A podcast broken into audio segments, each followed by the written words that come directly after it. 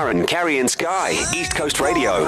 It's 20 minutes after 8 with Darren Curry and Sky right here on East Coast Radio. And it is the moment we oh, have been waiting for. Sky Aviation Academy. It's based in Durban. It is an institute that offers a range of aviation related training courses. And the institution is the first in KwaZulu Natal to offer cabin crew training with a license from the South African Civil Aviation Authority. Mm-hmm. It is an alternative to conventional training institutions with an energized team of trainers committed to their students who put their trust in them. Sky Aviation is uh, offering school leavers an opportunity to win a bursary to study a 15 month training course. So, we've been asking you this for the last week or so. Mm-hmm. Just tell us why you think you deserve a bursary valued at 64,000 mm. rands. Can you say bursary properly though, like a like a government person?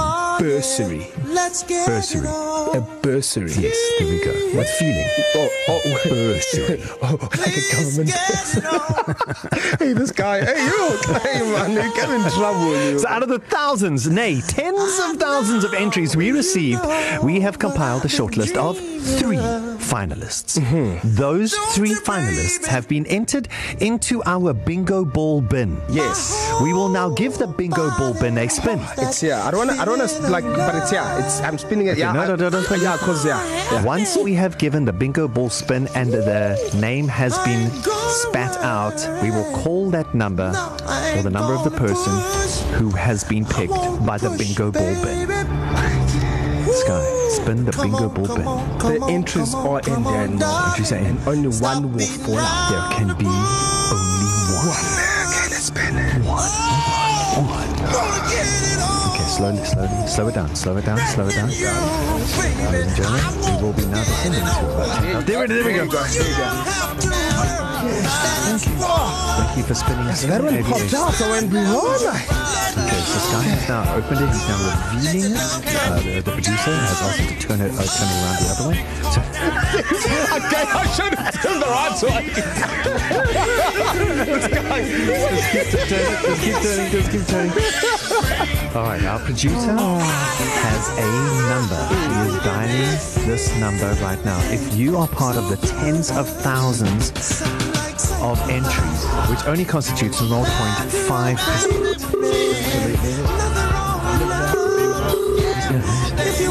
Say hello.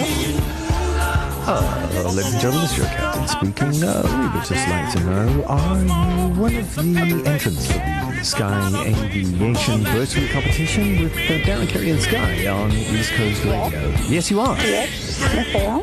And, uh, and what, maybe just confirm your name and seat number, please? Uh, my name is Madhuri Gupta. Madhuri. Okay, seat number is 17C. Okay, Madhuri, before we go any further, um, can you pronounce the town which is now known as Gqeberha? Sorry? If you were flying there, Gqeberha. We are now about to land in Gqeberha. Can you pronounce Gqeberha? Okay. Yeah, Madhuri, because, you know, when you're flying from Durban to Port Elizabeth, Yes. there is no longer a Port Elizabeth. Yes. So as an in-flight attendant, you'd have to say, ladies and gentlemen, we are 10 minutes away from Gqeberha. So this is your final test for the bursary. Madhuri, please inform us that we are 10 minutes away from landing at Gqeberha. Ladies and gentlemen, we are 10 minutes away from landing to Gqeberha. I'll take it. I'll take it. It's actually the chief uh, David Steelman International Airport in Gqeberha. In Gqeberha, yeah. Okay, well, uh, Maduri, I hope you are sitting down because out of the tens of thousands, and literally this is one of the most entered competitions that we've had um, in the longest of times, and there can be only one. And that one winning a 15 month training course in air cargo and aviation support with cabin crew, and the bonus course of Amadeus and Altea, valued at 64,000 Rand and almost 110% guaranteed employment at the end of that course, goes to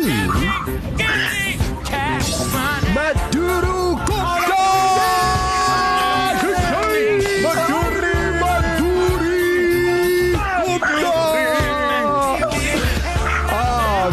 Man, that was fantastic. Oh my God, guys, I'm literally crying. I can't believe this. Thank you guys so much for this opportunity. Oh, I'm you're so welcome. thankful. Oh, you're welcome, Maduri. I can hear that this means a lot to you.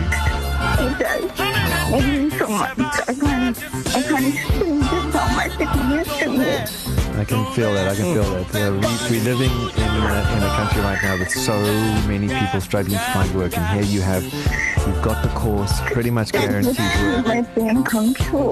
It's, it's my dream come true. Thank you guys so Oh, that's much. good to hear. Maduri, I cannot wait to get onto a plane and then you come up to me and say, Hi, Darren, I'm that Maduri. Let me show you where your seat is. I can't wait for it. I can't keep it down. I'm so thankful. Thanks, Darren, for the help, guys.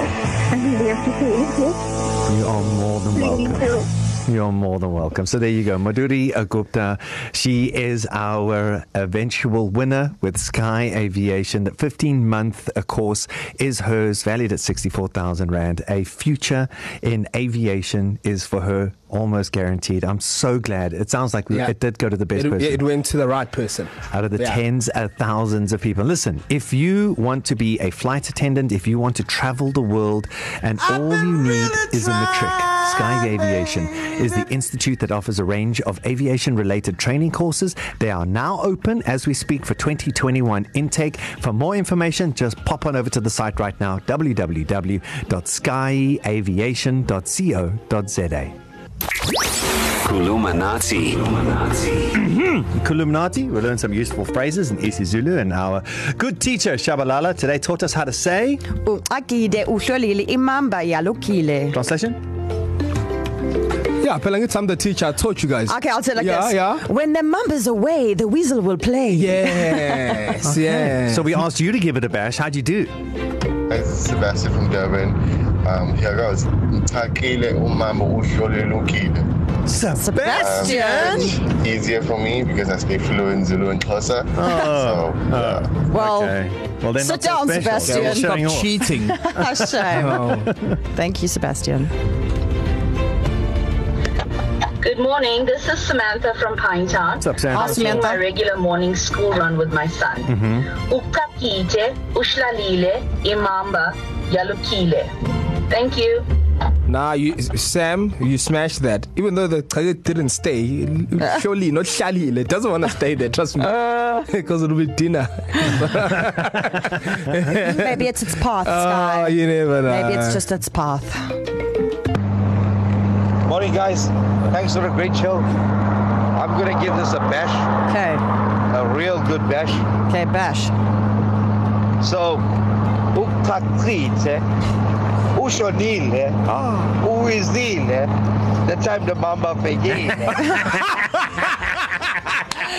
Shonile when the mamba fikile.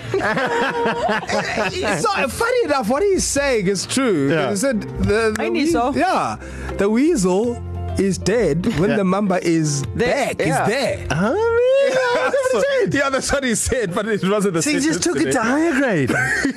I mean, Respect. interesting to do well when you haven't really answered the question, though. Exactly. exactly. Still a pass. Good job. Darren, Kerry, and Sky. East Coast Radio.